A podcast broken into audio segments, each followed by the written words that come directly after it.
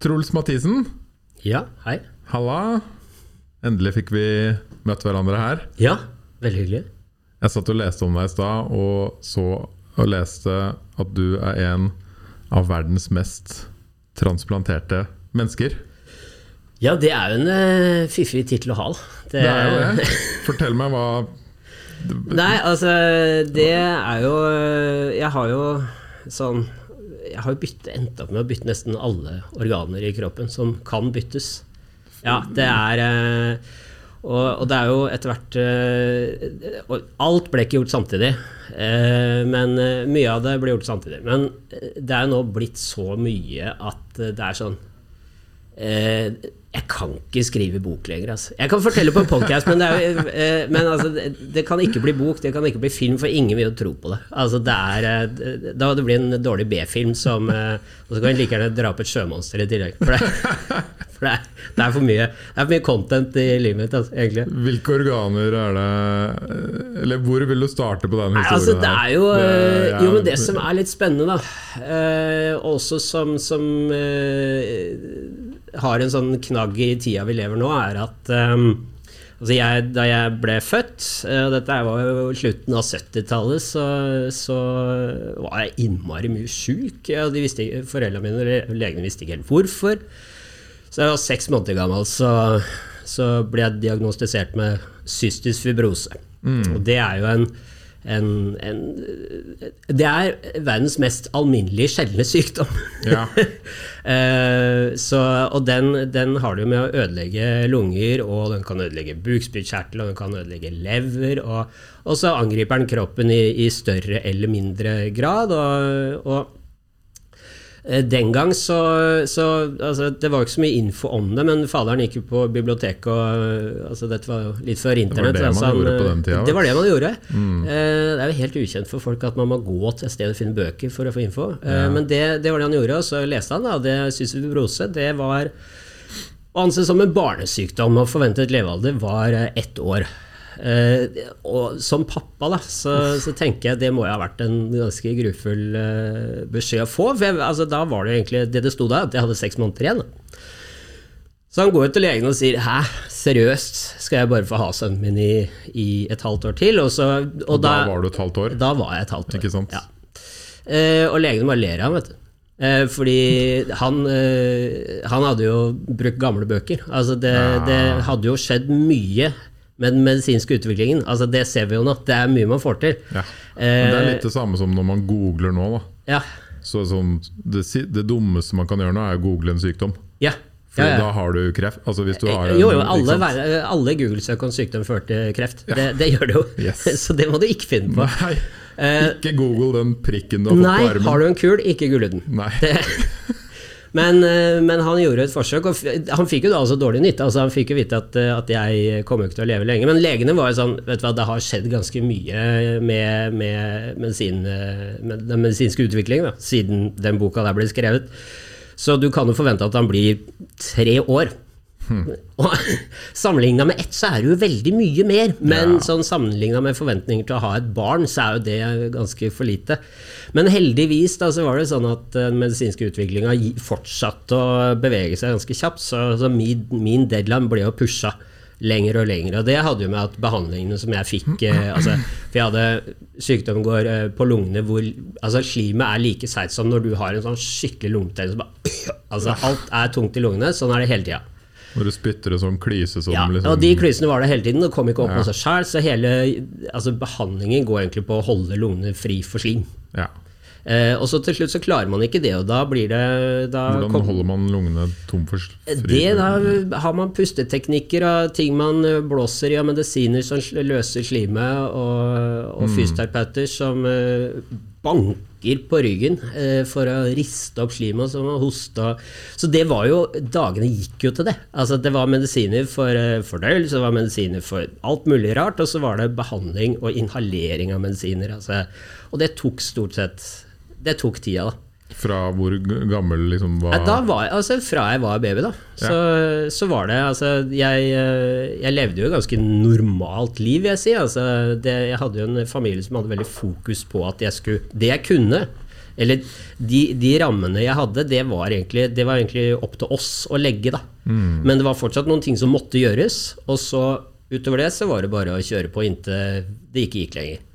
Uh, så, så, jeg opplever meg selv som at jeg hadde en ganske vanlig barndom. Uh, altså jeg gikk, på, gikk, i barnehage og gikk på skole og lekte og sloss ikke så mye, for jeg var jo veldig underernært. For det, altså, fordøyelsen funker jo ikke så bra, så jeg får ikke nok næring, og all næringen eller all energien i kroppen går til å behandle sykdommen. Ja, så det er en sånn dårlig spiral. altså er det ganske vanlig da, at når du kommer i tenårene, da, eh, da går bare kroppen ned. Eller gjorde det den gang, da. Eh, for da blir infeksjonene så ille at de, de, går ikke ut igjen. Altså, da kan du ikke ta antibiotika for å få vekk en lungebetennelse. Da kan du ta antibiotika for å holde den nede. Mm. Og da må du ligge på sykehus for å gjøre det. Så tenårene mine altså, For jeg var jo Barndommen var, anser jeg som normal, med begrensninger. Altså, jeg, jeg, prøvde jo ting som, som jeg trodde jeg kunne, for jeg har alltid trodd at jeg kan det meste. Uh, ishockey kan jeg ikke så bra. Altså, jeg, er ikke, altså, jeg, er ikke, jeg, er ikke, svær kar, uh, og jeg var definitivt ikke Jeg var ikke helt på det fysiske nivået til, til kompisene mine på ishockeylaget. Så jeg kom meg ut på, ut på isen. Uh, Foreldrene mine sa altså, hvis du prøver det, så får du heller prøve, da. Så det gjorde jeg, og ble takla, smalt i isen og fant ut at jeg måtte gjøre noe annet. Mm. Så da ble det korps. For det er jo verken taklinger eller puck i, i korps. Og det passa, passa meg mye bedre. Uh, men så, uh, så, så, Jo, så jeg prøvde jo og fikk gjort det meste. Liksom min mentale innstilling var at uh, altså, jeg kan være med å styre det her. Til en viss grad så kan jeg påvirke ganske mye av dette, dette jeg driver med.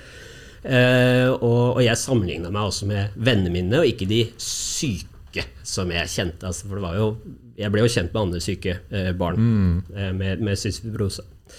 Men så i tenårene, da, da begynte ting å gå gærent, og da eh, ble lungene mer ødelagt. Og, altså, det, sånn, det, det, gikk så gærent at jeg til slutt jeg hadde blødende sår i lungene. Altså, det, det var det var ikke noe å puste sår ja, hosta så mye, da. Det høres altså, helt nei, altså, forferdelig ut. Ja, det var jo det. Altså, og, og, en av de sånn uh, det som jeg nå i voksen alder er veldig glad for, var at, eh, men, men, som jeg hatet da jeg var ung, var at jeg ble jo tvangsyoga. Uh, jo, men det handler om at fysisk aktivitet funker veldig bra for å få opp slim av lungene. Mm. Så når jeg jogga og begynte å puste mer, så var det lettere å hoste opp slim. Uh, og som da gjorde det lettere for meg å gjøre andre ting. Uh, men jeg hata det jo. Det var jo helt grufullt. men jeg ble jo da sendt ut hver dag men eh, på joggetur med, med bikkja. Og etter hvert så ble disse joggeturene mindre og mindre jogging og mer og mer sleping av beina. Og, var, og så står jeg der og holder meg fast i en lyktstolpe og hoster slim. og, og da det da begynte å komme blod i tillegg, da var det jo ikke fred å få når jeg sto der og holdt fast i en lyktestolpe. Altså, jeg var jo skummamelksblå i huden, liksom. Jeg var jo syltynn og klamra meg fast i en lyktestolpe. Sto nesten og spydde, og det rant blod ut av munnen min. Er, jeg skjønner jo at folk stoppa og lurte på om det gikk bra, men jeg trengte hjelp. Eh, men når jeg bare Det håper jeg folk spurte om. men jeg bare vinka dem. Nei, det går bra. Ikke noe problem. Så, men, men eh, så, så, det var jo ikke noe eh, Det var jo ikke noe lunger eh, Altså, de lungene ble jo bare mer og mer ødelagt. Og så husker jeg Altså, den, denne sykdommen er altså sånn den, den, er stabil, og så plutselig så bare går det ned. Og, og det var tror jeg var 15 da jeg, liksom, jeg skulle inn til sånn kontroll. da, da Legen begynte å snakke om det. Vi skal bare sjekke åssen det går med deg. Vi tror at det kanskje ikke går så bra. Det er litt som du, en, du er veldig glad i bilen din, men den er litt gammel. Så, mm. Men du har ikke helt lyst til å finne av hvor store, store utgifter som blir til, til diverse deler som byttes ut. Uh, du gruer deg litt til den EU-kontrollen? Ja, så, så, jeg var sånn For inni mitt hus så gikk det jo greit, tenkte jeg. Uh, men da kom jeg inn og var der uh, en ukes tid, og så og da konklusjonen av den uka var at øh, jo, altså ja, jeg var dårlig i lungene, det visste vi jo. Uh, og den infeksjonen som jeg hadde klart å liksom ta med vanlige pillekurer, som folk flest gjør når de får lungebetennelse, det lot seg ikke knekke lenger. Nå satt den her, nå var det kronisk. Og jeg hadde lært at når man fikk det, da, det, da begynte man å sette på kroka. Mm. Kroken på døra. Eh, så, så, det var jo da Inni mitt hue så begynte slutten da, på mitt liv. Uh, I tillegg Hvordan føltes det da? Hva skjedde da på den tiden der? gammel Nei, altså, jeg var jo 15, og det, Ja, 15. det, var, eh, det var da virkeligheten liksom slo meg i fjeset. Og i tillegg, da, altså, i tillegg, og det er derfor det er for mye content i livet mitt, og selv da var det for mye content. For det, eh, altså jeg fikk da vite nå var den på plass, den, denne bakterien. Den fikk vi ikke vekk. I tillegg så jeg hadde begynt å få litt sånn stor mage. Jeg, tenkte, jeg hadde ikke tenkt så mye over det, men det viste seg at jeg da hadde kronisk leverbetennelse. Altså Da hadde sykdommen begynt å angripe leveren, og da hadde jeg fått skrumplever. Dvs. Si samme leversykdom som uh, tunge alkoholikere kan få. Uh, jeg hadde ikke rørt en dråpe med alkohol, så jeg syntes det var litt urettferdig å få liksom alt, Ja, alle de greiene. uh, og, så, og så slang de på diabetes også. Så det var sånn én, to, tre, yes, vær så god, gratulerer med dagen. Nå eh, veit vi stort sett åssen ungdomstida di kommer til å se ut, og den blir på sjukehus. Mm. For det er sånn den eneste måten man kan behandle, behandle disse infeksjonene på, er, er på sjukehus med, med medisin rett i åra ja. Det Eh, virka jo som du fram til da hadde vært ganske positiv til livet. Ja, og da hadde jeg også vært en av de såkalt friske av denne Ja. gjengen med de sjuke. da. Ja, jeg hadde nettopp. sett noen som var blitt dårligere altså jeg, hadde, jeg hadde jo flere venner som, som jeg møtte på sommerleire. Du vet Alle som har en eller annen sånn skavank og sykdom, de får tilbud om sommerleir for å samles for å dele erfaringer, og det gjorde jo jeg også.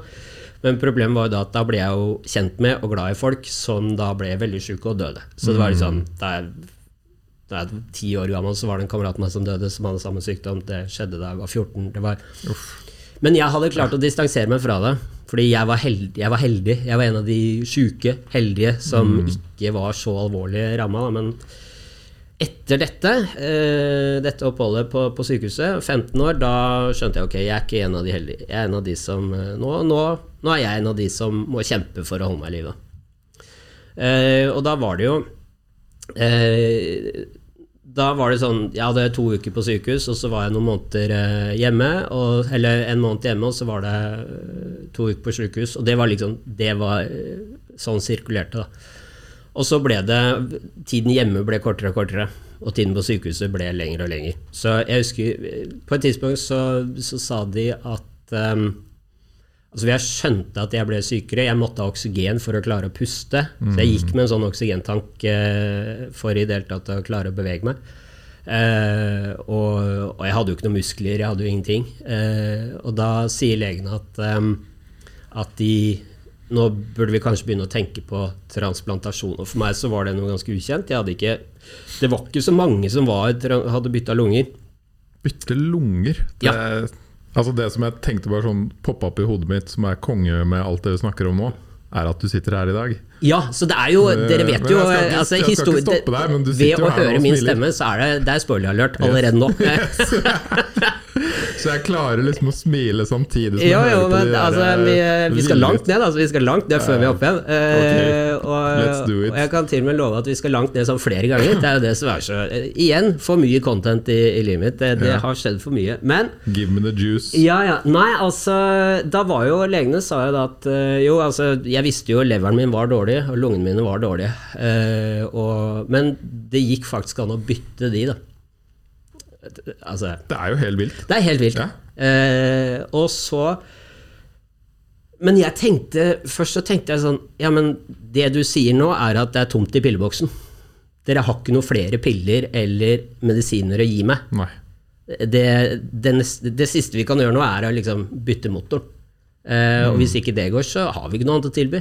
Så, så det var liksom Ok, nå, nå kan du velge å bli med på den siste raketten. Og så prøver vi og ser om vi får deg opp eh, med den. Og hvis ikke, så var det ikke noe. Og da Jeg var jo øh, Egentlig så var det lett å si ja til det.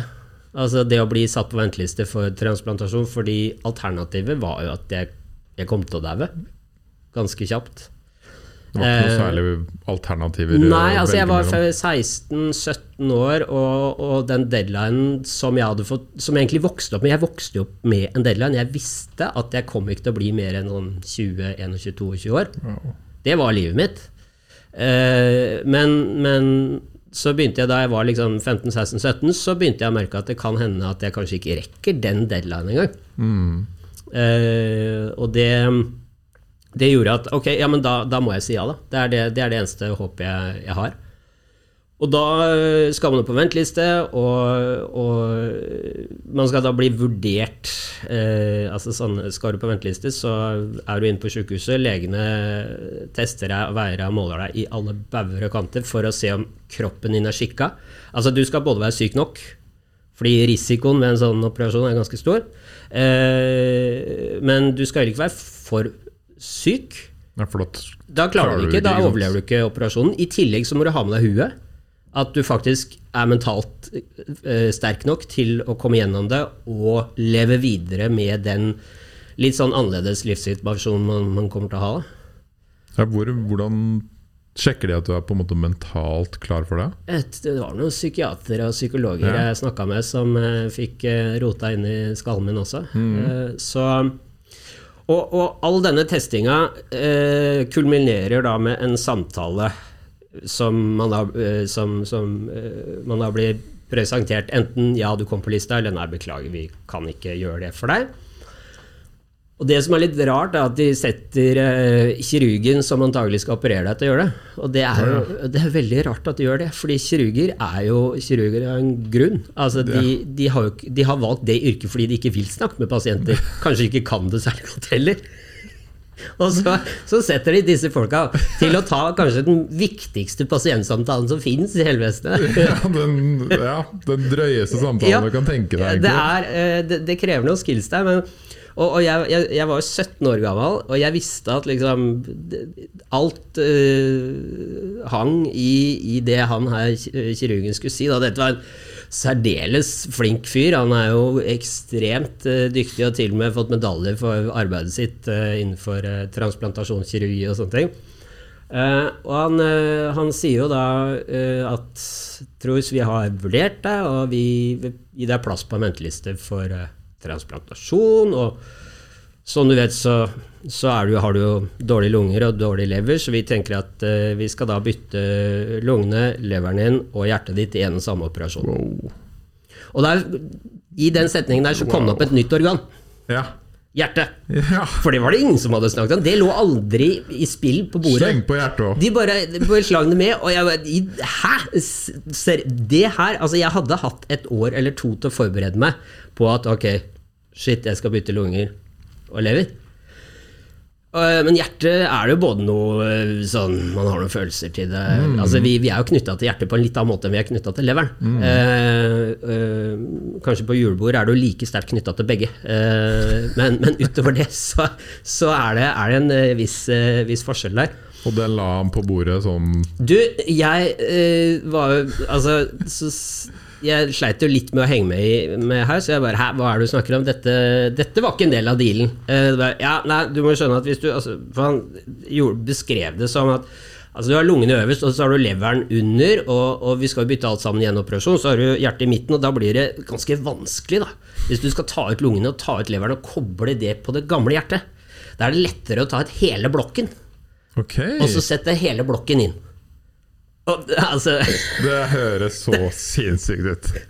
og, og, og, jeg var Altså, jeg hadde aldri det, det, var ikke det jeg var for, kom inn for å snakke om, følte jeg. Uh, og mitt motargument til det var bare Her, liksom? Det, kødder du? Uh, og, så, og, så, er det jo Altså, kirurger er jo uh, reparatører. De er håndverkere. De skal, de skal gjøre det greit og godt. Uh, Så han sa ja, nå må jeg skjønne altså, hvis, du, hvis, du, både skal bytte motor og girkaske på en bil, så lar ikke kløtsjen henge igjen. Så tar du ut hele, så setter du inn, så får du en ny kløtsj. Ja, ikke sant? det var sånn han forklarte det. Mitt enkle hue skjønte det. It makes sense, det det. egentlig. Ja. Men det er jo noe man kunne fått vite kanskje jo, jo. litt før. Ja. Uh, Spesielt som du sier, så har jo hjertet en spesiell plass i liksom ja. Eh, det å være menneske. Og så hadde jeg i tillegg fått vite at For jeg hadde vært gjennom eh, ganske mange harde tørner på fram til, eh, til jeg skulle på venteliste. Og da hadde jeg hele tiden fått vite at dette her kom du gjennom fordi hjertet ditt er utrolig sterkt. Ja. Så det var, var, det noe som funka på meg, så var det hjertet. Så jeg så ikke helt denne argumentasjonen hvorfor ta ut det som funker, da. Men han kom jo, altså, ok, han skulle bytte hele greia, da tok du ut, og så fikk du en ny en. Og, eh, men eh, så tar han jo også opp det. Han sier jo det, men du, for du, veldig, du har jo et veldig bra hjerte. Eh, og da så, Ja, så, så når da vi har tatt ut det, så ikke, kunne vi gitt det til en annen. Fordi det har jo ikke du bruk for. og da begynte jeg å slite med å svare. Eh, for da, da var det for mye i løpet av den timen å ta stilling til. Ja, det, Eh, det er mye til å, å ta stilling til akkurat nå, ja, for meg. Ja, ikke sant? Så, uh, men, men da var det Altså, altså nå, nå er jeg 40, eh, 43 år, og tenker tilbake som en selv som 17-åring, så må jeg ha vært ekstremt reflektert uh, ung mann. Altså, for, det, for, for jeg var sånn Jo, men selvfølgelig. Altså, jeg visste Jeg visste jo hvordan det var å være dødssyk.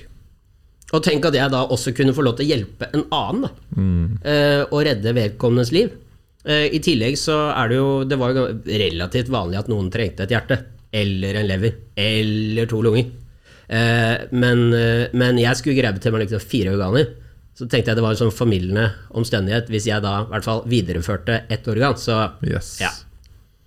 Eh, så, så det var det jeg skulle, skulle gjennom, da. Sa de noe om liksom Eller jeg vet ikke hva de sier, men sjansen for å overleve sånne ting, hvordan pleier det å være? Ja, det hadde Jo, det spurte jeg om, fordi de hadde jo statistikk på, på lungetransplantasjoner, og så hadde de statistikk på hjertet, og, og de hadde statistikk på, på lever. Men de hadde jo ikke gjort det her, her, her før. Nei? Nei, nei, jeg spurte hvor Har, har du gjort Nei, det, men det var et sted De visste om et annet sted i Nord-Europa hvor det var gjort. Og så hadde de gjort det i USA. Ja. Eh, Men de, det var så nytt at de måtte lage en egen protokoll, som det heter, altså en egen bruksanvisning, for hvordan de skulle operere meg. Wow. Eh, så, eh, så det var jo helt nytt. De hadde jo god, god statistikk altså, Mye data på lunger, mye data på lever, så, så de tok en sånn, sånn cirka-utjevning. utjevning. Og oddsen var jo da 80% sjanse for å leve det første året Ja. etter transplantasjon. Og så var det 50-50 de neste fem. ja. Så, og jeg syns jo det var bra. Ja, i forhold til omstendighetene, så var er du faktisk Ja. ja. Eh, og nå, nå skal det jo Og nå, hvis man er litt smart, i, eller ikke veldig smart engang, men kan regne, kan forholde seg til tall, så er liksom Jeg var, jeg var 19 da jeg ble transplantert, og nå er jeg 43. Så jeg har slått statistikken. Jeg har grusa den, kan jeg si. Jeg grusa den. Jeg har grusa den ganske bra. Eh, og så var det jo altså, Så var det jo altså hele min ungdomstid, da bodde jeg på sykehus. Det var jo ikke der Altså, jeg observerte livet fra innsida og stirra ut eh, av et vindu. eh, mens alle vennene mine gjorde det alle tenåringer skal. Uh, Pule, røyke og drikke. Det er liksom å gå på smeller og Runda. ja. Så, og jeg gikk jo på skolen, jeg tok taxi til og fra sykehuset, var på skolen, for der hadde jeg mulighet til å være sammen med vennene mine. Jeg orka ikke noe annet. Så, og da var det sånn at jeg kom på malen fy faen, Pule, enda, det var dra, dritt. da. Jeg bare ja, prøvde å puste, da. Det var, var det jeg prøvde på. Det er det jeg jobber med om dagen. Ja. Eh, og så var det jo også sånn Jeg hadde ikke noen venner. Altså, fordi, og det skjønner jeg veldig godt. Altså, når du skal prøve å definere deg selv i, i ungdomsårene, så skal du prøve å hele tiden komme så høyt opp du kan. Du skal ha gode venner, kule venner, gjøre gøye ting. Jeg var det komplett motsatte. Altså, og det, man visste jo, altså, jeg visste jo at ved å bli venn med meg, så ville du bli skuffa, for jeg regner med at jeg kom til å daue ganske fort. Ja, den er hard, altså. Den er det. Ja. Ja. Så, så til og med en venninne av meg som, som eh, Hun skulle være snill, eh, og tenkte at når de, denne vennegjengen skulle på nyttårsfest, som egentlig, og de skulle ta en bil som gikk forbi sykehuset, så bare droppa de innom for å si godt nyttår til meg. Men det var jo sånn Jeg fikk titte inn på et vorspiel som jeg ikke fikk lov til å være med på. På en måte Og så Bare, Ja, ha det bra, kos dere. dette går du glipp av i dag. Ja, Godt så satt jeg der eh, sammen med nattevakta med stjerneskudd og Ja. tenkte godt nytt år, eller Ja. Så når du da fikk dette valget da, om å kjøre den operasjonen, så var det jo egentlig ikke noe Det, tvil. det var jo det jeg måtte. Ja. Eh, og, og så var det jo eh, Så spurte jeg også eh, Jeg spurte sånn, hvordan vil det bli etterpå? Altså Hvordan vil livet mitt bli? Og, de, og legene sa jo at jeg ville bli tilnærma frisk. Og, og det var jo ganske vilt for en som ikke klarte å gå i trapper. Altså jeg, jeg kunne ikke gå opp en trapp uten å ta pause halvveis, selv om jeg hadde med en tank med oksygen. Ikke sant. Eh, og, og jeg hadde liksom blå negler og blå lepper og altså, Det er liksom stroppfast et uh, sugerør i munnen Ah. og ta en løpetur med det. Ah. Og sånn er det hele tida, da. Så Men eh, så var jeg på Jeg venta et år. Eh, for da, da er det sånn, du vet jo ikke hvor lenge man skal vente heller. Altså, det er ikke som, eh, du får ikke en kølapp. Fordi disse organene de må passe i størrelse, de må passe med blodtype og vev. Masse ting som må passe. Så Ja, for det var det jeg tenkte litt på. Altså, du Ja. kan jo ikke bare ta en Nei, nei.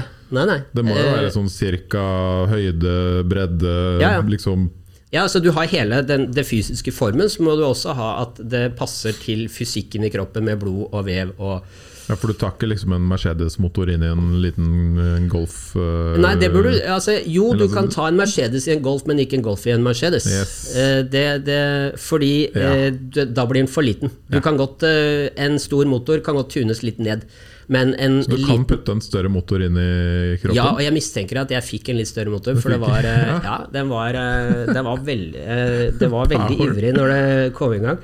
Eh, så også, får man vite hvem som har donert? Nei. Nei. For det Det- hadde vært Uh, ja, jeg, eh, jeg veit om folk som, som har ved uhell møtt pårørende og altså, Jeg hørte om en historie hvor det var noen pårørende som klarte å finne den som hadde fått hjertet til datteren deres. Da. Og de ville jo ikke snakke med han. De ville jo prøve å finne datteren. Oh my god. Ja. Så det er, men, så det er hemmelig donasjon. Uh, og så eh, og, og det Altså, jeg, jeg veit jo fra etter at jeg ble transplantert, så sleit jeg jo innmari med å akseptere at det var mitt. Altså, for det føltes overhodet ikke mitt. Altså, Men, et, men før, før etter, før du går på ettertida Ja. uh, Du venta et år, ja. så fikk du beskjeden. Ja, og det var sånn, den kom ut fra det blå, liksom. Ja. De kunne ringe, altså Sykehuset kan ringe når som helst. Altså På alle døgnstider, hver eneste dag, også på helligdager, Uh, om det regner eller snør. Så man må være tilgjengelig og komme seg til Rikshospitalet innen noen få timer. Oi. Det vil si at Man kan ikke reise utenlands. Jeg hadde familie i Danmark, de fikk jo ikke jeg besøkt. Uh, og, og da var det sånn, kanskje jeg aldri får besøkt dem mer. Fordi det kan hende jeg ikke lever så lenge at jeg rekker å få disse organene. Men når du står på venteliste, så må du være tilgjengelig. Eh, men heldigvis, da, så jeg, moderen var da på sommerferie i Norge hos meg. Da, eh, da telefonen ringte og Riksen sa at nå var tida kommet. Og, og jeg gikk litt i sånn panikk og eh, altså, klarte ikke helt ta innom alt det som skjedde, så jeg måtte bare begynne å skrive ned. Jeg tenkte ok, hvis jeg svimer av nå, så kan i hvert fall moderen gå og plukke opp røra, lese på lappen og skjønne hva som skjer, og så ta meg med til sykehuset. Eh, og da eh, så ble jeg pælma i en taxi. Eh, jeg var jo superklart ambulanse og eh, helikopter og masse action. Og, men, og det er fordelen når du bor langt unna. Da får du mye action. Da kan det være ambulansebåt, helikopter, ambulansefly. Noen av de har skinnsetter. Eh, ja, ja. Eh, og du får i hvert fall sykebil med blålys og fullt full trøkk til sykehuset. Men jeg bodde rett utenfor Oslo, så jeg ble bedt om å ta en taxi. Det var litt skuffende. eh, og så kom vi jo inn, og, og da skal vi inn på akuttmottaket og tas imot og gjøres klar. Og jeg eh, hadde jo mentalt forberedt meg på hvordan det var, fordi det har vi jo sett på TV. Alle har jo sett akuttmottak på disse sykehusseriene. Det er jo ville tilstander. Det er jo alltid en med altså, en øks i bakhuset som sliter litt, eller har kjørt en spikpistol i hånda og sånne ting. Det er, så så jeg tenkte at her er det ganske mye som skjer, så jeg må jo, og dette her er viktig, det som skjer nå, så jeg må jo bare løpe inn og si 'Truls Mathisen har kommet, jeg som skal gi organer'. Uh, men det er jo ingen der. Det er jo helt stille. Jeg var bombesikker på at jeg hadde gått feil. Uh, men inni et hjørne, da, så så, så sitter det to, to damer i, i hvite frakker og så bare 'Er det du som er Troels Mathisen?' Og Ja, det er meg. Vil du ha kake og te? Jeg vet ikke. Hvis det er en del av prosedyren, så sier jeg ja takk. Eh, Så jo, jo. Nei, men det, da ble jeg bare plassert i sofaen der, og så etter hvert så, så er det masse som forberedes. Altså, eh, så jeg merka liksom bøssen på avdelingen der. At eh, folk begynte å løpe fortere i gangene, og, og så roa det seg litt, og så begynte de å løpe fortere igjen, og så plutselig måtte jeg inn i dusjen, og da og gjøres klar og på med sykehusskjorte og, og sånne ting, og så ble jeg lagt i en seng, og så halv fem om, eh, om eh, ettermiddagen så ble jeg da kjørt inn på operasjonsstua. Eh, og halv to om natta, altså ni timer etterpå, var jeg ferdig operert. Eh, og halv ti neste morgen pusta jeg med egne lunger. Wow. Eh, er Hvordan var det altså, å våkne? Husker du det? Eller? Altså Jeg husker ikke hvordan det var å våkne, men jeg husker liksom ganske tidlig Det var Altså, først er det jo møkkvondt. Altså, jo, jo, men altså, jeg har jo fordi de For å få dytta inn alt dette her som skulle henge sammen, da, så har de jo åpna topp, fra toppen av brystkassa, og så har de sagd ned til sånn ca. 5 cm over snoppen. Så hele meg har vært dratt ut. Eh, og så har de liksom putta alt inn, og så har de snurpa igjen. Eh, så, så jeg var jo som en sånn sylta gris. Eh, sånn, altså med Det så jo ikke ut. Altså, jeg eh, eh, Altså, vi er jo ganske Hva, eh, eh, hva heter Og de sager òg, ikke sant? Jo, jo, med motorsag. Kjøre gjennom brystbeinet. Så, så jeg sliter med å se sånne ting på TV. Det, da må Ja, jeg det bare gjør jeg òg. ja, jeg synes det, Da får jeg litt sånn vibrasjon i brystkassa. Dette har jeg ikke lyst til. Eh, men altså, vi er ganske symmetriske. Kroppene våre er symmetriske. Det er ganske likt på høyre og venstre side. Uh, og, og liksom uh, midten av brystkassa er rett over navlen. Mm. Og de hadde, de hadde begynt å sy nedover, og så antagelig for ikke altså, Jeg vet da søren, men, men det endte med å liksom De sydde litt over mot venstre på vei et, ned etter brystkassa. Som da hårene mine har begynt å gro etter. Dvs. Si at jeg har en skeiv Altså, jeg er rett, men veldig skeiv. Eh, og så begynte jeg Og så så jeg ned på magen, og da så jeg altså at navlen var borte. Oi! Og jeg bare, hæ? Altså, og at du har kanskje aldri tenkt hvor essensiell en navl er for å liksom vite hvor senter på kroppen er, men det er dritviktig. Altså, jeg hadde ikke noen navl, den var borte. Og og det første jeg spurte, var liksom Her seriøst, det var ingen som liksom sa at eh, jeg måtte velge nye lunger eller navle. Altså, det, Eh, og, så, så den var borte, og så, så, Ja, men de hadde måttet liksom sy ganske mye, så, så når de bare tok opp stingen, så, så ville navlen dukke opp. Og det håper jeg, Ja. håper jeg skjer. Eh, og, og i tillegg så hadde, de, så hadde de begynt å sy nedover. Eh, og så var det skjedd et eller annet som gjorde at altså På venstresida så var det på en måte glatt, men på, på høyresida så var det en liten bul. Og det, et, det som jeg tror har skjedd, er liksom hvis du skal kneppe en skjorte, og så begynner du med feil knapp, og så går du nedover og så ser du dæven, dette var feil. Yeah. Da tar du gjerne og knepper opp igjen, og så gjør du det riktig. Men det kan man jo ikke gjøre når man syr. Så de hadde jo sydd, og så begynte å sy feil, og så så de når de kom ned mot navlen, Oi, her har vi sydd litt skjevt. Så da bare bretta de den ene sida av magen for å komme sånn cirka i riktig lengde. Så, så det de gjorde, de, sydde, de har sydd på en valke på høyre side. Eh, Så, så jeg har liksom Jeg har ikke så mye her, men på, på høyre side så har jeg fortsatt en sånn så, Så det er vel definisjonen på halvfeit. Altså Det er når du liksom har mer på den ene sida enn på den andre sida. Eh, Så, så det var liksom Det var en av de ting, tingene som var ganske rart. Og så var det jo Altså eh, Det var jo ikke noe digg å, å puste med disse nye lungene. Nei. For det var jo Jeg følte meg overkjørt av en lastbil. Altså Det kunne jeg like gjerne gjort, og følelsen hadde vært det samme. Opp til ti, liksom, hvor vondt var det disse ukene etterpå? Nei, vi, vi er vel uh, tidvis oppe i tieren, ja. Ja. Eh, men så er det jo, fins det mye god morfin og sånne ting. Ikke sant? Uh, og, og så Men så var det Altså, jeg var veldig godt forberedt på ting som skulle skje, men, men det, det som, som man kanskje ikke tenker på, da, er at liksom, når du er forkjøla og hoster litt og harker litt, og liksom, hoster opp litt slim og sånne ting, så er ikke det så eh, du tenker ikke så mye over smaken på det, det er jo ikke noe, for det er jo helt unaturlig å skulle tenke over hva, hva slim smaker. Eh, men eh, når du da har lunger fra et annet, en annen person, da, sitt slim, som kommer i munnen din, så smaker det faktisk annerledes. Det er så vilt. Så det var altså, det Og det husker jeg. Jeg husker jeg lå der og sånn hva, Hæ, hva skjedde der? Hvem, hvor kommer det fra? Det, var, det var som noen sto og spytta meg i kjeften hver gang jeg hosta. Wow. Og det, wow. og det var altså litt uh, Ikke ut av deg sjæl, inn, inn i seg sjæl-opplevelse. Uh, som uh, altså, Og det er utrolig mye man venner seg til, da. Så etter noen uker så gikk jo det greit. Og, um, og jeg gikk jo og så var det mye styr, men, men eh, altså, jeg lå på sykehuset i to måneder og, og fikk jo Gikk jo da fra å være dødssyk til å være det legene sa tilnærma frisk. Vi hadde spurt hva er dette her for noe. Eh, Men det å være tilnærma frisk var jo også var, Det var noe jeg var livredd for. For min identitet, og det jeg kunne skikkelig godt, var jo Truls Mathisen syk pasient, som ikke hadde noe sosialt liv å snakke om. Eh, jeg hadde liksom noen få venner som, som var der for meg, men ellers så var det ikke noe, det var ikke noe jeg kunne veldig godt. Eh, men Det blir litt som å liksom komme ut etter å ha vært lenge i fengsel. Da. ja. Og jeg var jo livredd.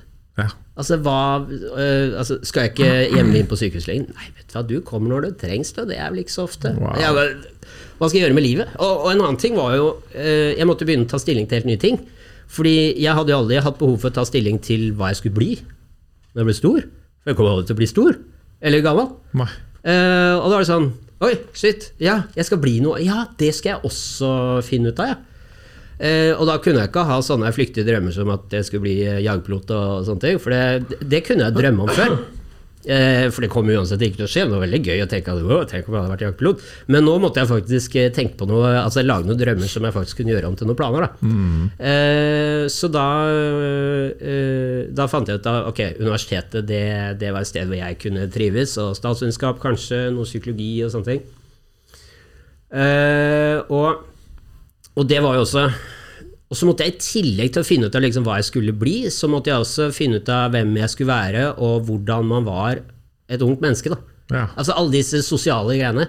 Så jeg hadde, jeg hadde vel et år eh, igjen av eh, videregående. Jeg brukte, Det tok jo litt lengre tid å ta avslutt, eh, avslutte videregående.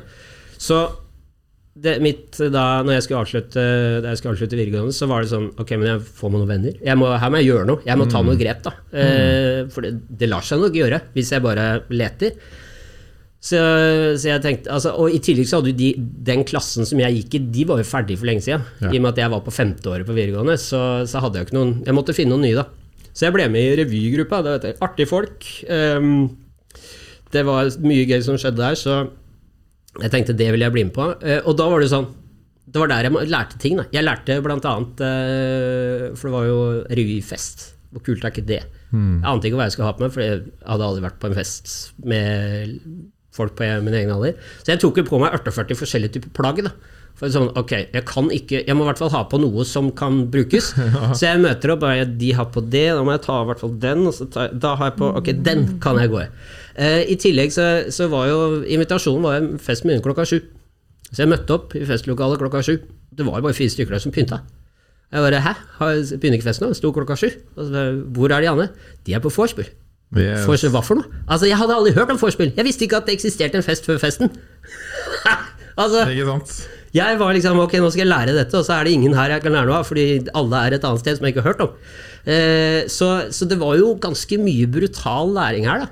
Altså Fra å være en sånn keitete fyr Bratt som Det var ekstremt bratt. Eh, Og man tenker jo ikke over at dette er jo ting man bare pusler med i livet, som kommer og går, og du lærer og liksom det daglige. Du går på fest, du Ja. er med folk, liksom. Men når du ikke er i disse daglige altså, Årene går, og du er med på alle disse happeningene, så kommer du jo inn sånn som du sier, da. Uten den kunnskapen. Mm. Det blir som å komme fra en annen planet.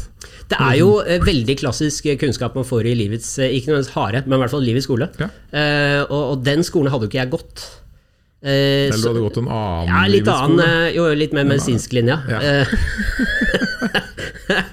så, så den ga liksom ikke den praktiske erfaringen som jeg trengte for å manøvrere meg som, eh, som ungdom.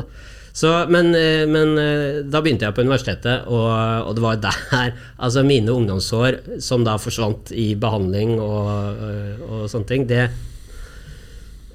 det ble jo tatt igjen der, da. Så, så jeg var jo altså, Jeg kan ikke si jeg brant lys i begge ender, men det var, eh, det var mye, mye energi. Det var eh, mye, mye som skjedde, og mye som ble testa ut. Og altså, studiet var vel en sånn ramme og en grunn til å være der. Eh, og så var det veldig mye annet. Altså, jeg ble jo med i altså, festforeninger og diverse andre eh, foreninger hvor jeg satt i styret, jeg var DJ, jeg var eh, Men altså, etter en måned etter operasjonen, så Ja, så var det Så var et frisk? år. Jeg var frisk, og så var det det første året, første to-tre årene, var det mye justeringer, da.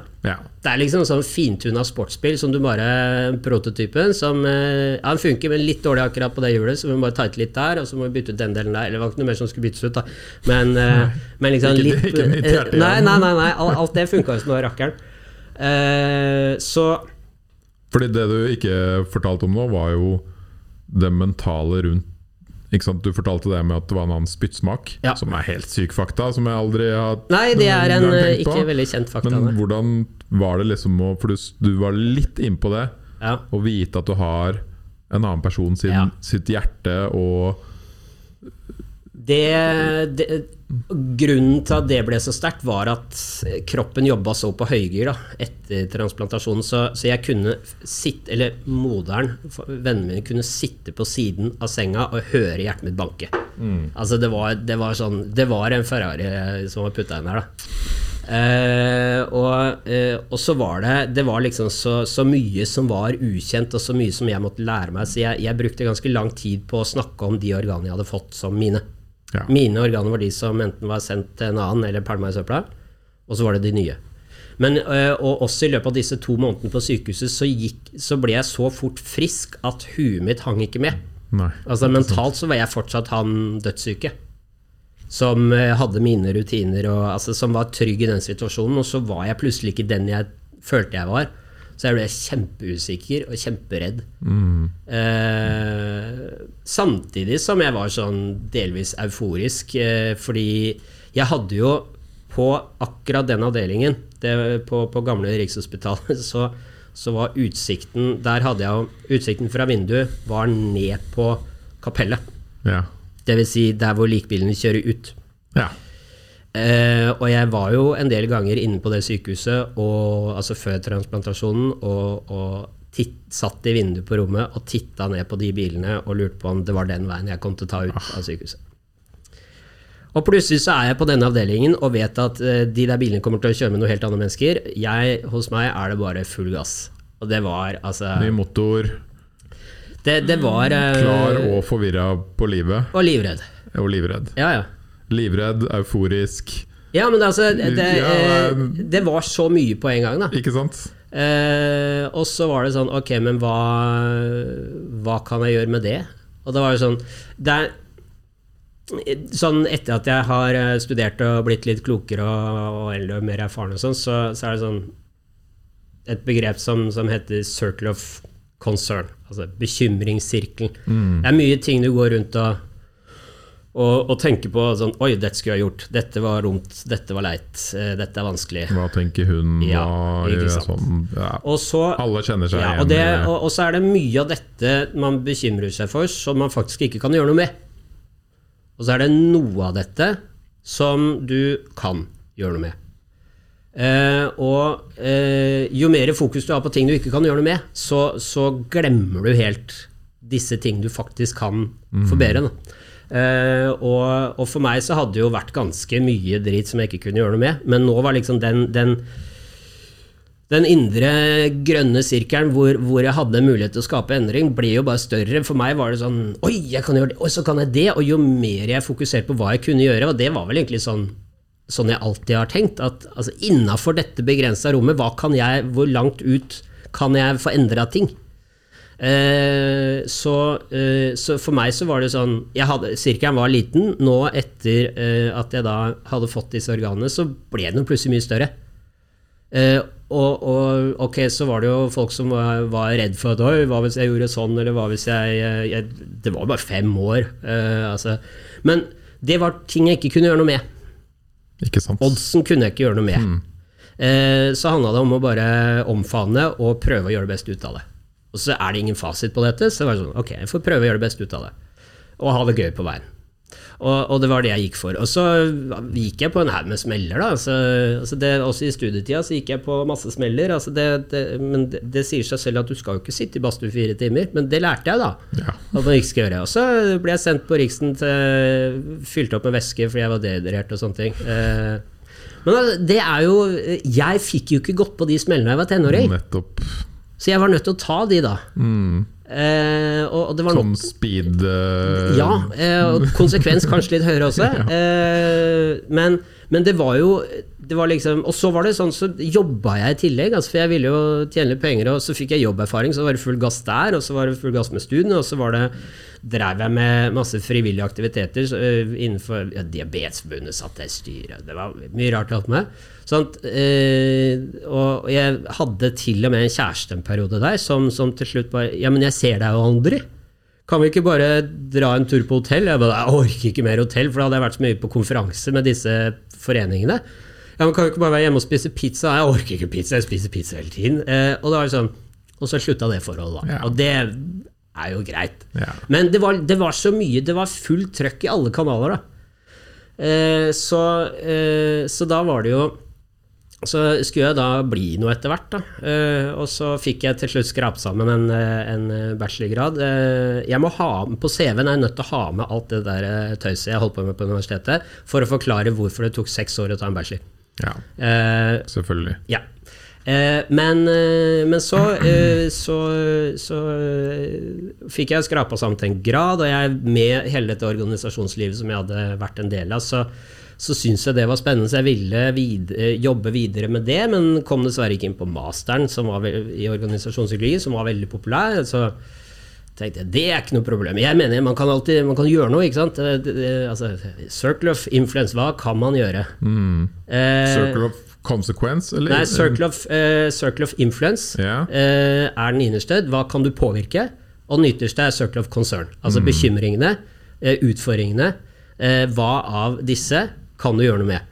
Så jeg tenkte her, ok, jeg kom ikke inn, det er ikke noe problem. Det jeg kan gjøre noe med, er å forbedre karakterene. Mm. Kan ikke gjøre noe med at du ikke kommer inn. Nei, Nei. men jeg kan, eh, alt det som gjorde at jeg ikke kom inn, nemlig at jeg hadde litt for dårlige karakterer, det kan jeg gjøre noe med. Det kan jeg gjøre noe med. Ja, så det gjorde jeg. Eh, problemet var at veldig veldig, veldig mange andre hadde tenkt det samme. Så jeg hadde ganske mye bedre karakterer, og det hadde alle andre også. Mm. Så jeg var like langt unna som året før. Ja.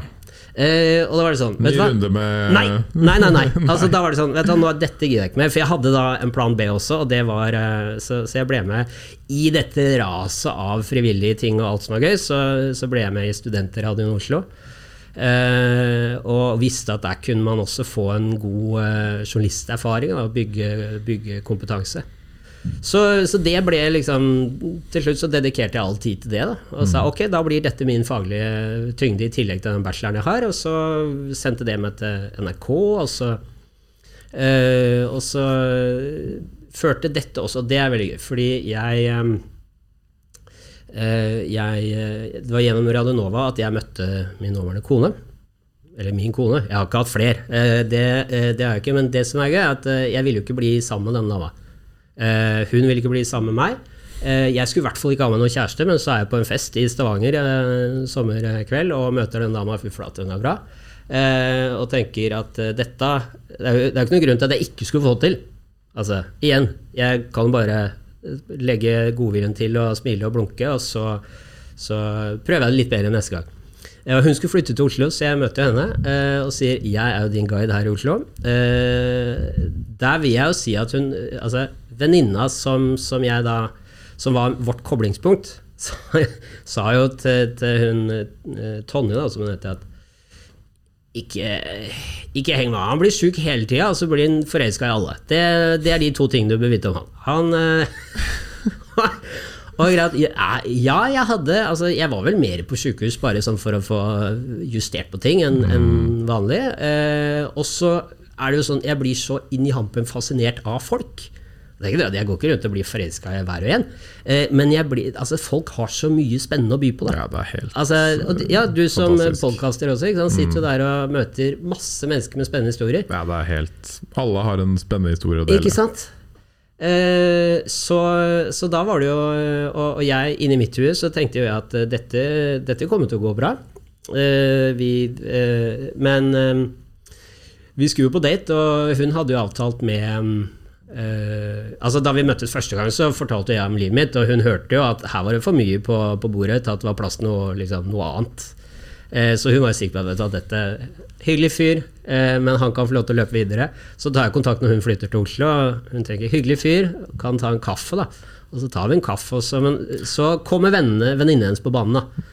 Og vet du, dette er ikke noe framtid. Det er ikke noe så, Men var dette den tiden Var du fortsatt innenfor de fem årene etter operasjonen da? Eller, Nei, vet du, da hadde jeg begynt å bikke. Da du begynt å bikke, Ja, ja? da hadde jeg begynt å bikke. ja? Og det var da jeg begynte å slutte å tenke på de åra. For da var det sånn Ja, men det gikk jo i år også. Uh, og, og det er jo uh, Det er en sånn rar greie med uh, altså, Jeg slutta etter hvert å forholde meg til statistikk, fordi at man kan ikke forholde Altså, ett menneske kan ikke forholde seg til statistikken. Altså én av ti gjør et eller annet. Eh, ja, det har egentlig ikke så mye å si. Det, den statistikken får du bare når du samler alle i en gjeng. Så, så for meg var egentlig ikke det noe nytte. Og, og så spurte jeg legen liksom, hva, altså, hva, hva sier du, liksom? Hva, nå har denne statistikken eh, Nå syns jeg ikke den gjelder meg lenger, da, på en måte. Eh, og da er det sånn Nei, det har du et eh, poeng i. Eh, vi har ikke noe mer statistikk å by på. Eh, men det vi kan se Nå må vi gå fra statistikk til, eh, til faktisk læring her, eller erfaringsbasert læring. Og er Det sånn, det du har gjort, har ført deg hit. Da tror vi du skal fortsette med det du har gjort. Ja. Det er det, det, er det beste vi kan si. Ok, ja, men det, det kan jeg i hvert fall. Det, prøv på det, da. Eh, så, så jeg fortsatte med det, og så hadde jeg ikke noe Altså Jeg var også en sånn elendig pasient. Altså, hvis legene spurte ja, men var ikke du inne til en eller annen undersøkelse, og var ikke du syk da? Totalt glemt det. Altså Jeg huska bare det gøye. Så måtte de selv eh, slå opp i journalen hvis de skulle finne ut hvis jeg hadde hatt det dårlig. Eh, og det, det kunne man jo Og det er også sånn huet mitt er skrudd sammen. Eh, og, og en av grunnene til at jeg slutta å henge med en del som var transplantert, for de, veldig mange som får lunger eller hjerte, de får det i voksen alder, så de har jo hatt noe av det er at de, de, har hatt et liv før, og så får de vite Så skal de få et, en, et nytt hjerte, og så spør de hvordan kommer det til å bli, og så sier de til deg man er frisk. Men da har de vært friske, veit hva det er, og så får de dette, og så er det ikke sånn som det var. Det er litt dårligere. Er litt Jeg hadde, jo levd, jeg, jeg hadde jo levd med et behandlingsregime siden han var født. Og jeg hadde aldri vært i nærheten av tilnærma frisk. Så, så for meg er, er øh, øh, altså Hvis du bare har bodd på en hybel, så er en firerooms ganske stor. Men har du bodd på slott, så er en firerooms ganske liten. Ikke sant? Um, så, så for meg så var det liksom Det var dritfett, det var kjempegøy. Altså, hvilke muligheter! Eh, og så, så, okay, så, så holdt jeg meg innafor. Liksom. Jeg dro ikke til utlandet og studerte, for det ville vært litt klønete. Uh, Å følge opp hele kroppen og sykdom og sånne ting. Og en del sånne ting, da, men som jeg ikke Jeg anså ikke det som et problem når det fantes et like gøy og godt alternativ et annet sted. Da. Så, så det, hvor lenge jeg skulle leve, eh, det, altså det, Den ene gangen jeg tenkte veldig veldig på det, var da jeg data en sykepleier som var veldig opptatt av statistikk. Eh, så, og, og da følte jeg meg veldig veldig syk, Fordi da var jo jeg på slutten av statistikken, og etter det regnearket der, så er det ikke noe mer. Og det ergo kunne jo, måtte jo gå dårlig med meg ganske snart. ja. Det var ikke et blivende, blivende sted. Nei. Men, Uh, og, og, så, så, så da jeg møtte denne, denne Hun er Tonje, da, så var det sånn Hun var sånn Først etter at hun har avvist meg. Altså hun, tenkt, hun, hun skulle avvise meg og si at du kan bare gå et eller annet sted. Eh, og det hadde vennene i kollektivet hennes bestemt, sammen med henne. Det, du det noe, la det ligge. Ja.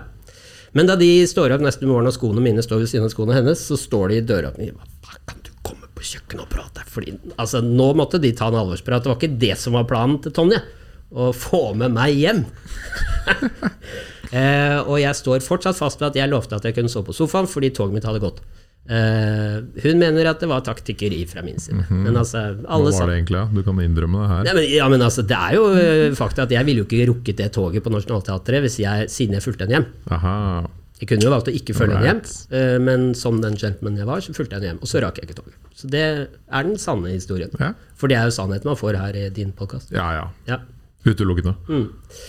Så, eh, nei, og hun var jo så laidback på livet. Og da var det sånn Og det var jeg også. Altså, kan få unger? Jeg vet ikke om jeg kan få unger. Nei, men vi skal ikke ha unger nå, så tar vi det når det skjer? Og så er det noe annet jeg bør vite om. Nei, altså, for jeg møtte opp på date eh, med en sånn her nål i armen. For jeg hadde, jeg hadde vært på padletur. Jeg drev med elvepadling også. Det var fryktelig gøy. Og legene likte ikke at jeg gjorde det, for jeg drev og padla ned elver og fosser og sånne ting. Og så hadde jeg en tendens til å slå meg og bli litt forkjøla og litt sjuk, og sånn, så da måtte jeg inn og behandles litt. Sjekke og- litt og ja. Eh, så da fikk jeg permisjon denne uka eh, fra sykehuset den kvelden. Fikk lov til å gå ut om kvelden, og så måtte jeg tilbake litt seinere. Da, da var jeg på besøk hjemme hos Tone eh, med veneflon i armen. Og for meg var det dagligdags. Altså, herregud, en nål i armen har vel alle sett? Helt vanlig på date. ja, ja, men hun bare Shit, han bruker tida si på meg! Ja. Når han heller kunne vært sammen med alle vennene sine eller gjort noe annet, eh, og når han egentlig skulle vært på sykehuset. Eh, Så, så det var eh, Jeg ga et veldig godt inntrykk av mine prioriteringer, og det funka jo da helt tydelig. da. Så vi holdt sammen siden. Så det, dette er jo da 13 Nei, 14 Ja, det er 14 år siden. Lenge siden.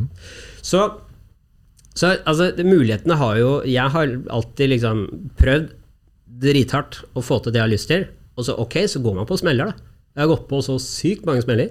Eh, men så har jeg da stort sett ved hver eneste smell så har jeg funnet en eller annen mulighet som jeg antagelig ikke ville ha funnet hvis jeg ikke hadde gått på den smellen. Et dag, eh, så, og, dette, og, og igjen, denne samtalen starta med at det er for mye content. For det er, det er fortsatt altså, Jeg holder foredrag om eh, det å, å ta positiv kontroll på livet. Altså Før så snakka jeg litt om det å tenke positivt og sånn. Det kan være én greie, men det det er mer et instrument å bruke det å ta positiv kontroll. Ut, ok, Hva er forskjellen på å tenke Nei, det å tenke positivt? positivt ja, det ordner seg. Vær. Altså, ja, vær glad og positiv, Ja. så løser det seg. Men det gir deg ikke noe verktøy til å, når det kommer drit i fjeset på deg. Eh, Det å ta positiv kontroll, da finne et håndkle og tørke driten.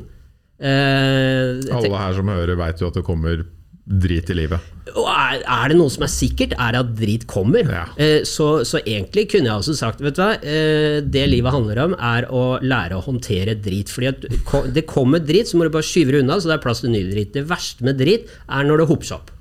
Altså, men eh, så så er ikke det så salgbart, da. Det, fordi du har ikke Men, men det Her er det et salgbart.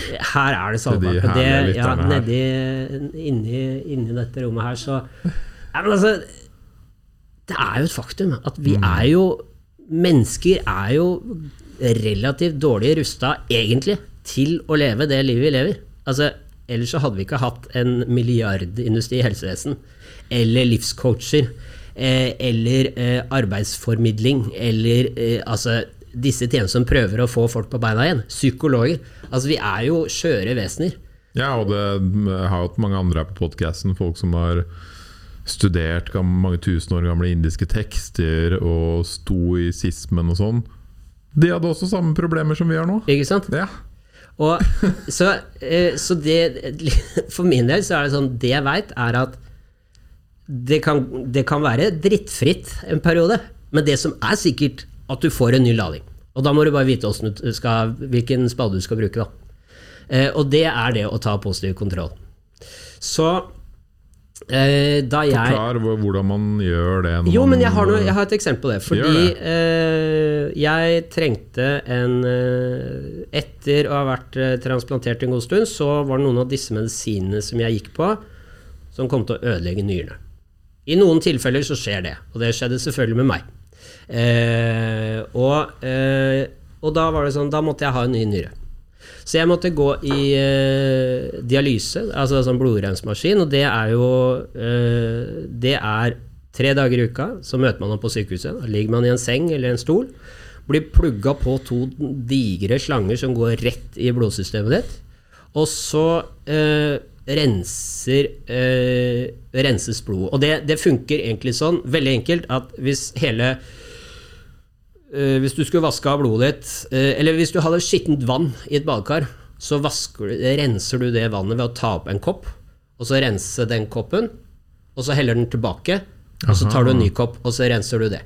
Så blodet går ut i en maskin Det blir som renser, renser, da, og så sendes inn i kroppen inn igjen. Så, det, eh, så derfor tar det jo lang tid. Ja. Altså, Hvis du kunne tatt ut alt blodet, rensa hele og putta det inn igjen, så hadde det gått ganske fort. Men det er veldig ugunstig å gå uten blod uh, over kortere og lengre perioder. Uh, så da er det sånn man må gjøre det. Og det tar jo kjempelang tid. Dette tar seks timer. Uh, og man blir helt utslitt. Altså det, Ja, det det å være, både det å være nyresyk, da blir du plutselig 85 år med dårlig helse. Altså Husker ingenting, orker ingenting, klarer ingenting. Alt bare knekker. Og, og dette skjedde i en periode hvor, uh, hvor jeg karrieremessig var på vei oppover. Da. Så da hadde jeg, etter å ha vært i NRK, så begynte jeg i Stiftelsen Organdonasjon. Litt ved en tilfeldighet. Eh, men havna der og, og ble informasjonssjef der, og, og fikk utvikla det til sånn altså, Jeg var med å forme den måten vi snakker om organdonasjon på i Norge i dag. Da. Eh, og, og ja, Du er jo et stjerneeksempel på jo, jo. Ja, det er jeg som er uh, sirkushesten man kan dra fram hvis det skal vise eh, Hvis man skal vise hvor bra det går. Men, men problemet er at det går altså, Med meg så går det veldig, veldig bra. Altså, og jeg har klart veldig veldig mye som det er veldig veldig mange som ikke har klart. Så jeg er litt sånn dårlig eksempel på liksom, å gi et, eh, et representativt bilde av det her, da. Men jeg havner jo da i dialyse, orker ikke jobbe. Eh, blir liggende hjemme. Eh, alt er drit, liksom. Og så er det dialyse. Seks timer om dagen. Er tre dager i uka. Eh, og imellom så var jeg helt utslitt. Helgene var liksom De var ok, men det var ikke så mye jeg orka da heller. Um, og da ga jeg litt opp. For det var jo sånn, alle vennene mine, de, de tok jo neste steg i karrieren. De fikk seg familie. Det skjedde ting da, som jeg også ville ha. Som jeg bare det, Kanskje jeg ikke fikk det. Kanskje, kanskje vi bare må si at det, det var det som jeg fikk ha av gøy, og vær takknemlig for det, men det blir ikke noe mer. Men så er jeg sånn For meg holder ikke det, da. Uh, men jeg var møkk lei. Jeg var kjempelei meg. Så jeg, jeg møtte på dialysene og var sånn helt uflidd og altså, joggebukse og Altså, fuck livet. Deprimert. Ja. Ja. En god, en god tung en sånn en, ja. Ja. ja. Eh, og så holdt jeg på med dette en liten stund, så, altså noen uker, og så begynner jeg å tenke at eh, hvis jeg fortsetter i det mentale sporet, og dette kan ta et år, det kan ta to år før jeg får en ny nyre, så klarer jeg det ikke. Altså, jeg må være mer mentalt skjerpa for å komme meg gjennom dette. Så da var det sånn Heldigvis så har jeg da studert psykologi, da, så jeg har litt kunnskap om åssen huet funker. At egentlig så er vi ganske enkelt skrudd sammen, og det går an å lure oss selv til å altså Blant annet ved å skape rutiner. Da, og, og putte kroppen i en eller annen sånn ting som, som gjør at det oppleves som meningsfylt. Eh, Så, så jeg tenkte, nei, vet du hva, Eh, hva er eh, tre timer Nei, hva er seks timer tre ganger i uken? Og fri i helgene? Ja, det ligner ganske mye på en 48% deltidsstilling. ja. Og det er det jo noen som har. Så også, fri i helgene, det vil si at da kunne jeg også planlegge ting sånn som vanlige folk gjør. Altså hyttetur, eller hva det nå skulle være. da Altså veldig lav, la, lavskala. Eh, men det gjorde da at aha, dette, det er det som er min jobb. Jeg skal opp om morgenen, og så, jeg, så tar jeg taxi til sykehuset, så blir jeg behandla, ligger der, og så er jeg ferdig, kommer igjen, spiser middag og legger meg. Og så jeg møter opp på dialysen, da, iført liksom pene bukser og skjorte og dresskoffert og sånne ting. Begynner å ta kontroll. ja, og så, og så sier de sånn Hva? Skal du på jobbintervju eller noe sånt etterpå? Nei, skal ikke det. det er, dette er jobben min. Det er, det er det jeg skal gjøre nå. Ok, du er rar, men jeg tror det funker. Og, og jobben min gikk jo da ut på å eh, spille Candy Crush, lese Aftenposten eh, og sove. Ja. Eh, Ble, du det var god på, ble du god på Candy Crush? Du, jeg havna på Jeg var en av de beste, ja. ja jeg tror jeg var like høy som Erna Solberg. eh. Ja. Eh, For hun var jo rå. Var det. Eh, Men det er ganske vilt at en som da var statsminister, eller i hvert fall politiker, eh, Hun kunne var liksom helt legende på jeg skjønner ikke, altså Hun må ha en kapasitet av en annen verden. Jeg gikk tross alt i dialyse og hadde dagene.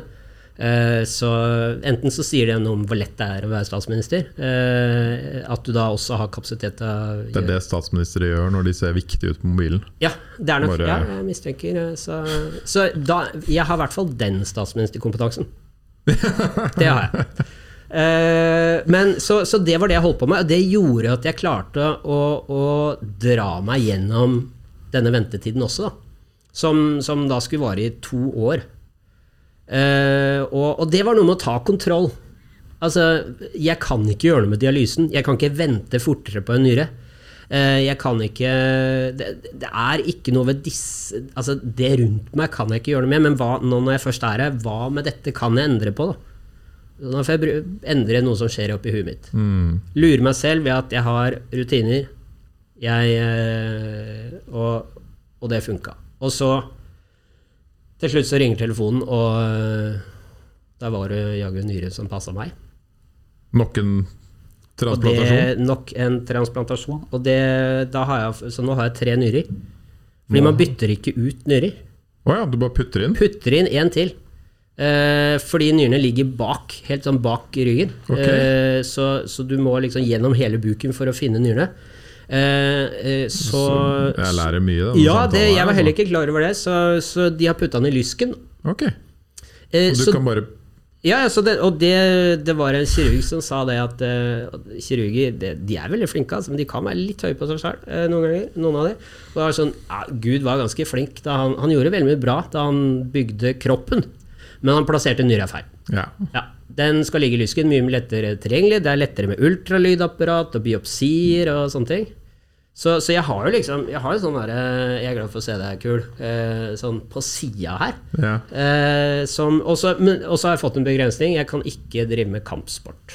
Nei. Eller kontaktsport. Eller fot- få- bedriftsfotball og sånne ting. Slag i den nye Nei, lyskespark, det, da, da går det galt. Men altså, nå har jeg heldigvis ikke hatt noe særs interesse verken bedriftsfotball eller eh, jiu-jitsu eller noe annet. Så, så det har egentlig gått fint. Men det er veldig bare sånn for å, ikke- for å ikke hoppe for fort videre. Det er nok mange der ute som kjenner seg igjen at de havner i en kjip situasjon. Livet føles liksom at alt går dårlig, og du kommer i sånn negativ Negativ tankekjør. Liksom, du vil ikke opp om morgenen. Når du står opp, er det kjipt. Du er kanskje syk, eller så er du deprimert, eller sånn. Så føles det bare som den ond, det blir en ond sirkel Mm. av dårlige tanker. Mm. Og føle at man kanskje mister kontroll. Da. Mm. Eller at det ikke er noen vei ut. Og Det er da man må prøve å finne sånne gode verktøy for å komme seg ut. det har jo også noe med disiplin å gjøre, og det er skal ikke jeg bli han gamle mannen som, eh, som eh, kommer og løfter en pekefinger, men det er noe med, for det første, altså Hva er det du er fornøyd med? Altså På hvilket nivå kan du Hva er laveste nivå av fornøydhet? Ikke sant? Og, og da jeg var virkelig dødssyk, altså før den første transplantasjonen, så var mitt laveste nivå av fornøydhet var å, å kunne puste noen minutter uten å hoste meg blå i fjeset, og få besøk av en kamerat. Ikke sant? Det samme jeg hørte en podkast med en dame som levde i, uh, i Auschwitz. Og hun sa liksom det På det kjipeste, liksom når du ikke hadde spist på en uke og blitt bank... Altså helt forferdelige ting. Så klarte de på en eller annen måte å finne et eller annet lyspunkt. Det at de var sammen, f.eks. Mm. Det at de kunne holde hverandre i hendene. Mm. Det var liksom et eller annet klarte de å finne i all jævelskapen. Og det er jo eh, Altså, det er noe med ja, altså, altså hvis, hvis eh, Igjen, da. Det du, hvis du bare begynner å lete etter ting, så finner du det. Så hvis du igjen leter du etter drit, så finner du drit. Leter du etter positive ting, så, så finner du det. Du bare begynner å sikte lavt nok. Det er litt sånn, Hvor mange grønne biler har du sett i dag? Nei, antagelig ikke sett, lagt merke til at du har sett noen. Hvis jeg ber deg gå og se etter grønne biler, så plutselig så ser du det hele tiden. Yes. Og, og da er det sånn Ok, hva, hva er laveste nivå av fornøydhet? Um, uh, og så uh, var det Så begynte jeg etter hvert å skjønne hva er det, liksom, hva er det, hva er det som gleder meg mest? Hva gir meg glede? Eh, og, og hvilke ting er liksom for ubetydelig til at jeg orker hisse meg opp over det. Og den der, den der eh, eh, bollen med ting jeg ikke gidder hisse meg opp over, den er blitt ganske svær etter hvert. Eh, det, det skal ganske mye til liksom, at jeg orker stress med ting. Det er sånn, ja, du kan godt føle at det er viktig, men er det, nei, nei, nei, det går bra. Det går bra. Eh, men, det er en bra quote det der når noen sier at de må noe. Så kan du svare du må bare dø. Ja. Det er det eneste du må.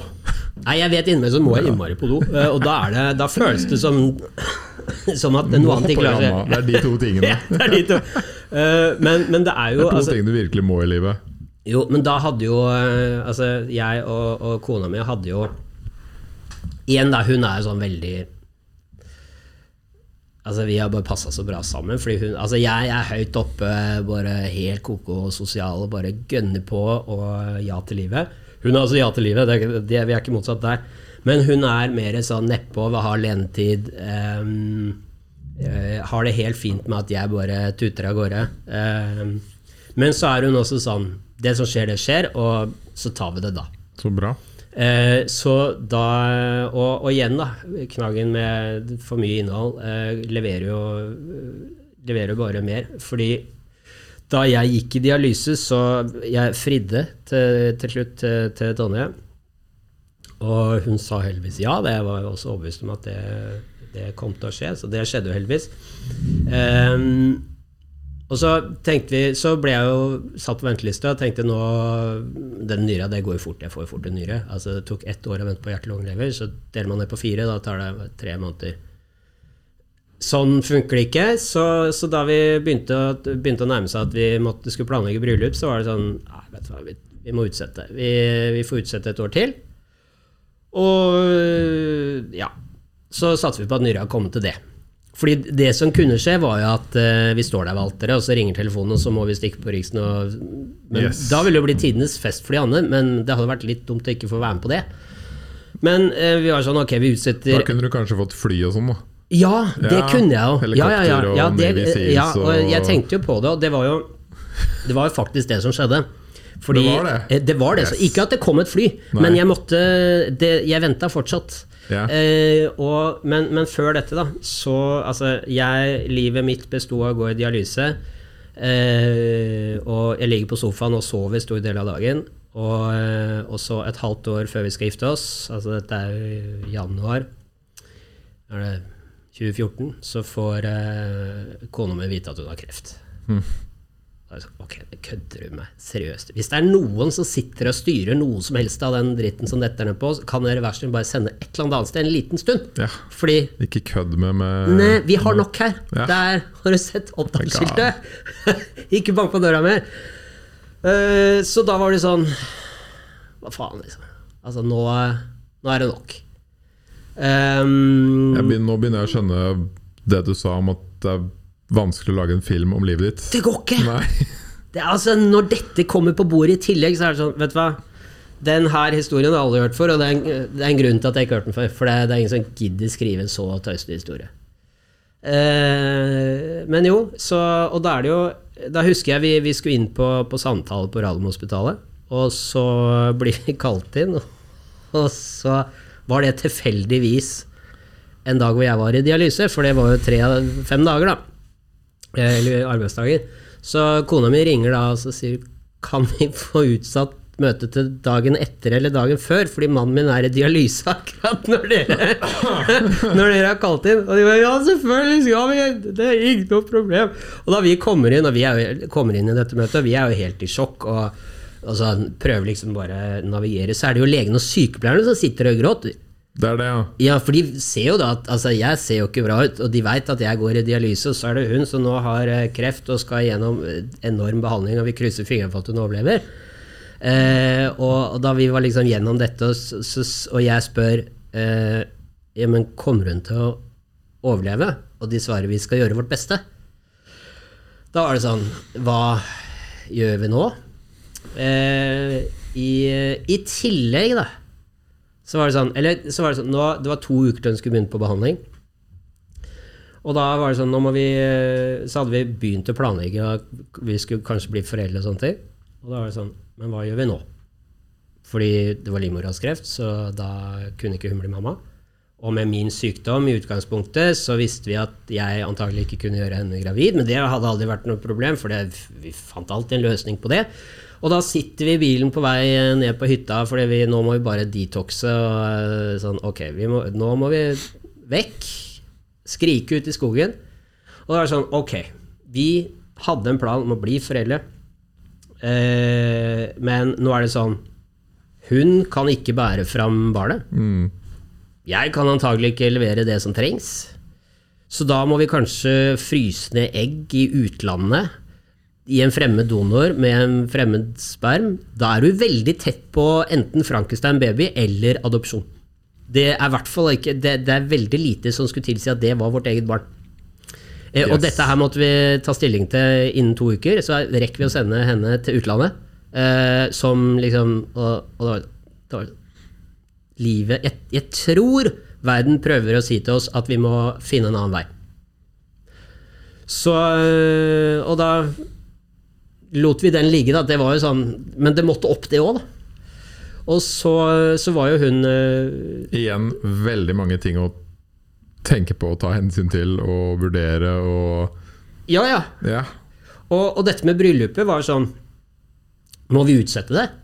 Eller vi spør legen om vi, kan vi planlegge bryllup. Og da sånn med tårer i øynene så så de på oss og sa de liksom Det er fint å ha noe å planlegge sammen.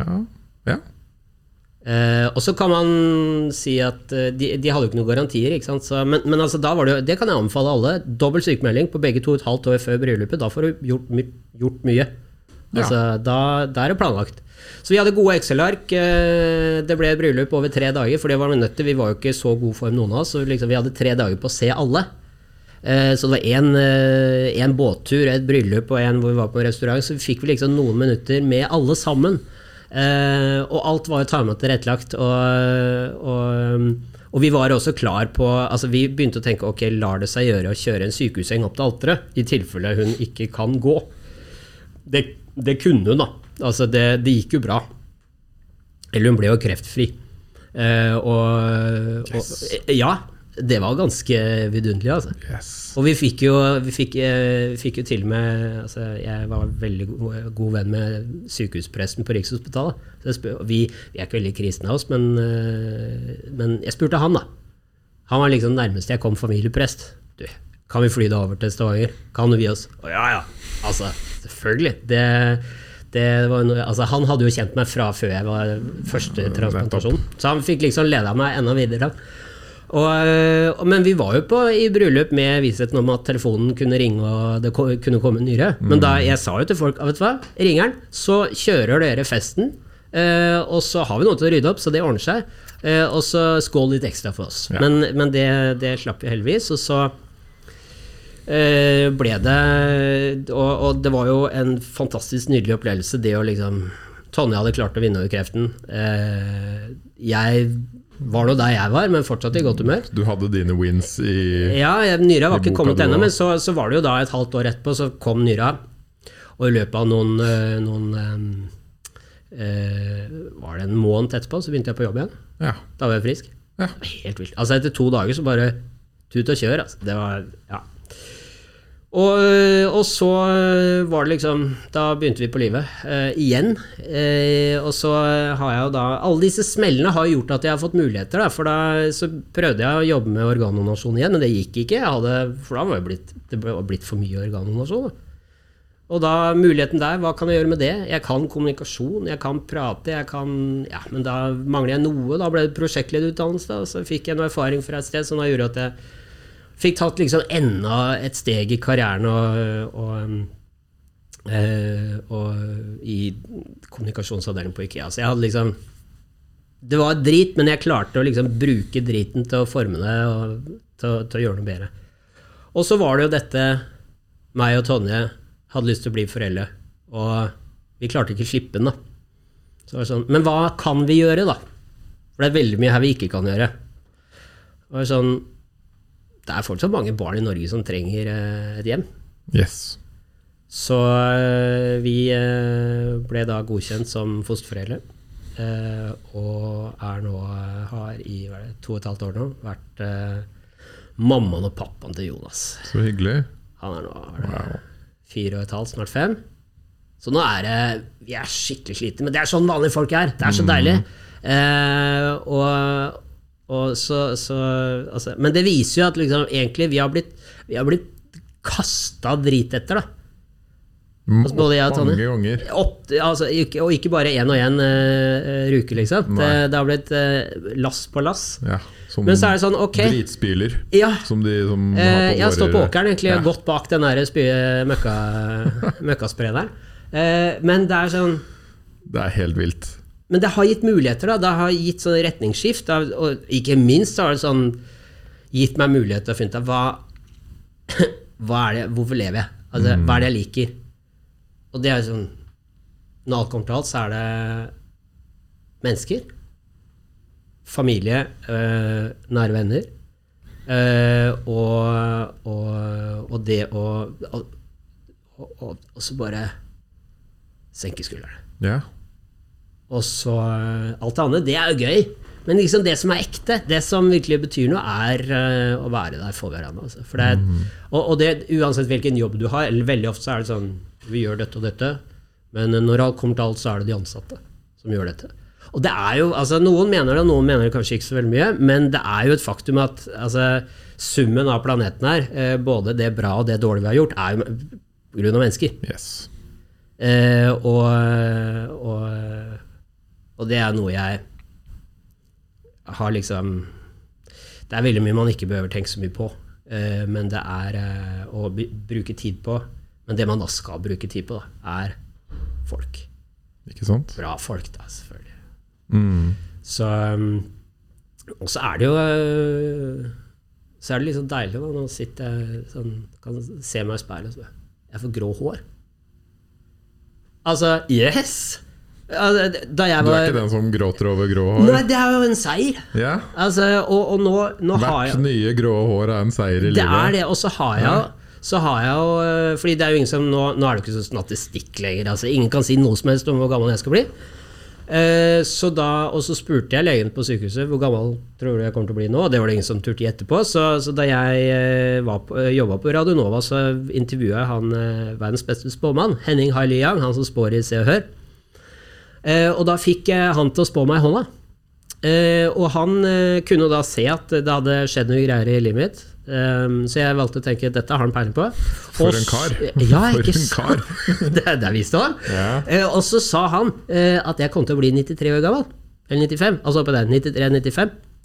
Og han er jo da per nå den eneste såkalte fagpersonen på eh, kunnskap om hvor lenge man skal leve, som har kommet med et faktisk tall. Så det forholder jeg meg til. Mhm. Så jeg eh, lever med det perspektivet at jeg skal bli 95 år. Så jeg er jo nå veldig nøye med at jeg har en god pensjonsforsikring. Uh, Sørge for at eh, kroppen holdes ved like og sånne ting. For det, dette, denne skråten her, den skal holde lenge. Så bra. Eh, Så det er jo deilig å kunne føle på at nå kommer jeg inn i reparasjonsalderen og sliter med disse tingene som de andre også har slitt med. Kan bånde litt over disse grå hårene, høyre viker og gikt i tåa. Eh, Så Og det jeg syns det er fint. For en fantastisk vill historie. Ja, det, jo, det blir ikke bok, altså. Nei, det blir kanskje når du liksom kommer opp i litt mer grå hår og sånn. Du skal sette deg ned og skrive. Vi får se. Da blir det en uh, podkastserie i 90 episoder. Ja. Uh, da, blir, da, da blir det den nye, det nye formatet. Det er det Dette er mikrosammendraget du har gitt i dag. Men det Så- som jeg føler også går igjen i alle disse årene og alle disse kampene, er jo at du har jo hatt et mindset Oh, ja. som har hjulpet deg gjennom det. Og når du har vært på bunn, så har du funnet verktøy Mm. og tenkt at dette funker ikke. Nei. Fortsetter jeg sånn som nå, så funker det ikke. Så hva skal jeg gjøre? Ja, for jeg er jo Jeg er jo en som, som liksom aldri blir helt fornøyd. Altså, ting kan alltid Det finnes alltid en bedre løsning. Altså, noen ganger så må du finne ut ok, men det er godt nok. Mm. Men det, og det påvirker måten jeg jobber på, men, men det, det påvirker nok også liksom lysten og forventningene til livet. Lysten til å leve og forventningene til livet. Da. Altså, jeg har ikke sammenlignet meg selv med de syke likesinna. Jeg har sammenligna meg med de beste friske. Eh, og det har jo vist seg å være en god måte å gjøre det på. Samtidig som innimellom så blir jeg veldig skuffa. Ja. Fordi at noen ganger så går det bare ikke.